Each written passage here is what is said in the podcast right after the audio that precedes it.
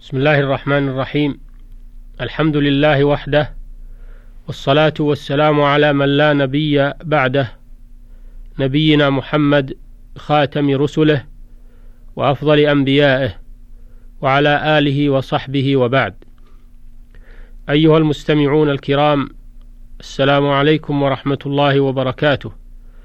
نتحدث إليكم في هذه الحلقة امتدادا لأحاديثنا السابقة عن أنواع من الشرك يمارسها بعض الناس إما عن جهل أو تساهل أو تقليد.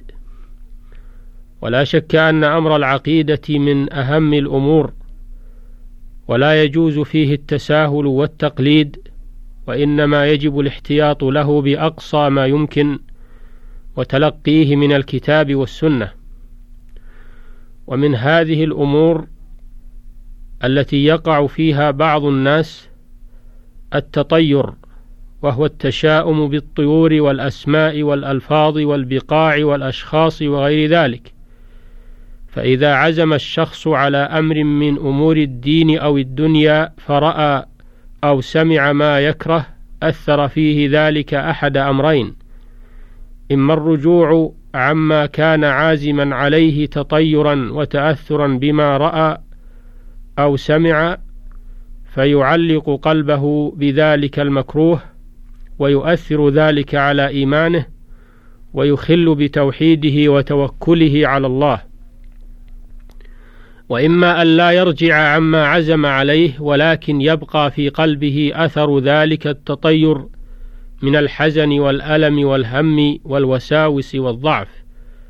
فيجب على من وجد شيئا من ذلك في نفسه أن يجاهدها على دفعه ويستعين بالله ويتوكل عليه ويمضي في شأنه ويقول اللهم لا يأتي بالحسنات إلا أنت ولا يدفع السيئات إلا أنت ولا حول ولا قوة إلا بك.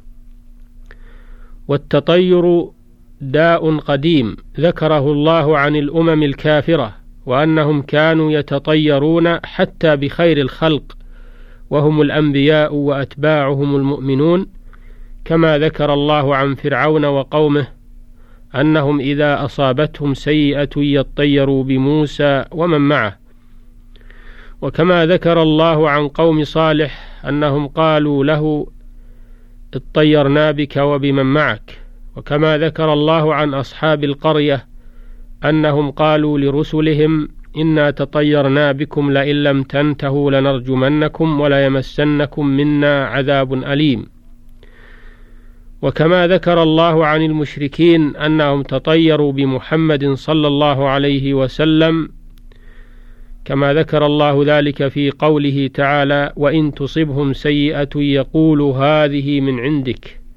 وهكذا دين المشركين واحد.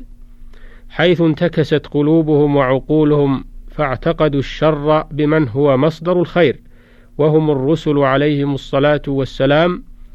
وما ذاك إلا لتمكن الضلالة في نفوسهم وانتكاس فطرهم. وإلا فالخير والشر كلاهما بقضاء الله وقدره يجريان حسب حكمته وعلمه تفضلا وعدلا. فالخير تفضل منه وجزاء على فعل الطاعة والشر عدل منه وجزاء وعقوبة على فعل المعصية. ما أصابك من حسنة فمن الله وما أصابك من سيئة فمن نفسك. والتطير, والتطير شرك لكونه تعلق على غير الله واعتقاد لكونه تعلقا على غير الله واعتقادا بحصول الضرر من مخلوق لا يملك لنفسه ضرا ولا نفعا. ولكونه من إلقاء الشيطان ووسوسته ولكونه يصد عن ذكر الله ويصد ويتعلق بالقلب ويصدر عنه خوفا وخشية وهو ينافي التوكل. واسمعوا ما قاله الرسول صلى الله عليه وسلم محذرا عن التطير. فقد روى الشيخان عن النبي صلى الله عليه وسلم أنه قال لا عدوى ولا طيرة ولا هامة ولا صفر. وقال صلى الله عليه وسلم لا عدوى ولا طيرة ويعجبني الفأل. قالوا وما الفأل؟ قال الكلمة الطيبة متفق عليه. وعن ابن مسعود مرفوعا الطيرة شرك الطيرة شرك. وفي صحيح مسلم عن معاوية بن الحكم أنه قال لرسول الله صلى الله عليه وسلم ومنا أناس يتطيرون. قال ذلك شيء يجده أحدكم في نفسه فلا يصدنكم.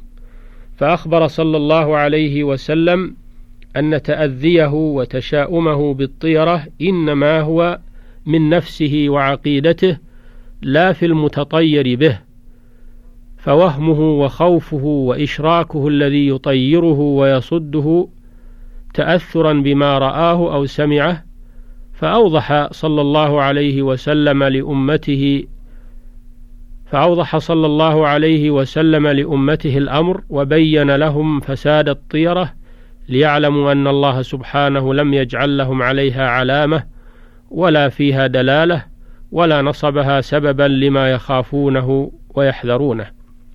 ولتطمئن قلوبهم وتسكن نفوسهم إلى وحدانيته تعالى التي أرسل بها رسله وأنزل بها كتبه وخلق لأجلها السماوات والأرض. فقطع علق الشرك من قلوبهم فمن استمسك بعروة التوحيد الوثقى واعتصم بحبله المتين وتوكل على الله قطع هاجس الطيرة من قبل استقرارها وبادر خواطرها قبل استمكانها. قال عكرمة كنا جلوسا عند ابن عباس فمر طائر يصيح فقال رجل من القوم خير خير.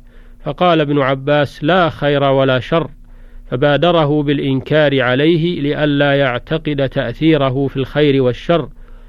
وكذلك سائر المخلوقات لا تجلب خيرا ولا تدفع شرا بذاتها. وقوله صلى الله عليه وسلم ويعجبني الفأل بين صلى الله عليه وسلم الفأل بأنه الكلمة الطيبة وإنما أعجبه الفأل لأنه حسن ظن بالله والعبد مأمور أن يحسن الظن بالله والطيرة سوء ظن بالله عز وجل وتوقع للبلاء والعبد منهي أن يسيء ظنه بالله. ومن هنا جاء الفرق بينهما في الحكم لأن الناس إذا أملوا الخير من الله علقوا قلوبهم به وتوكلوا عليه. وإذا قطعوا آمالهم ورجاءهم من الله كان ذلك من الشر والتعلق على غير الله.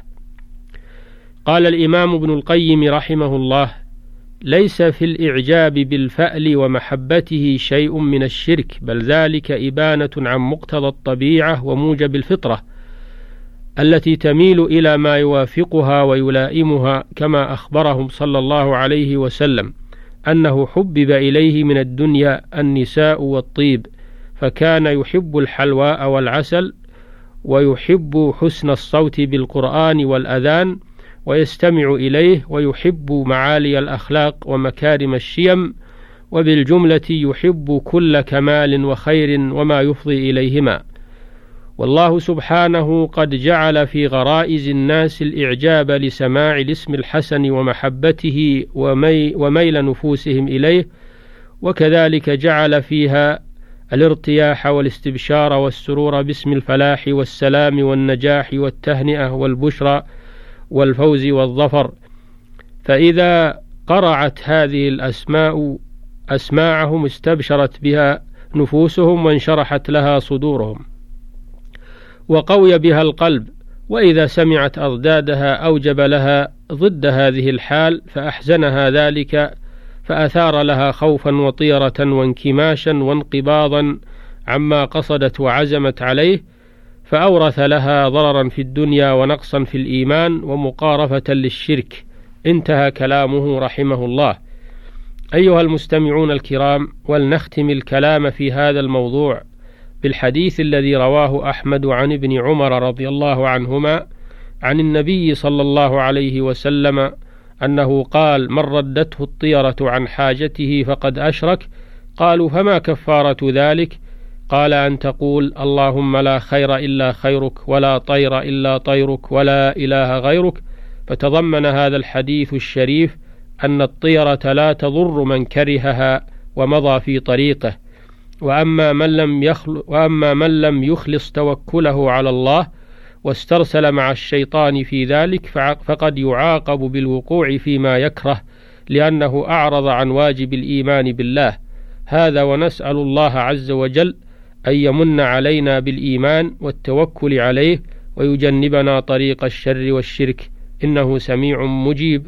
وإلى الحلقة القادمة بإذن الله. والسلام عليكم ورحمة الله وبركاته. والحمد لله رب العالمين وصلى الله وسلم على نبينا محمد.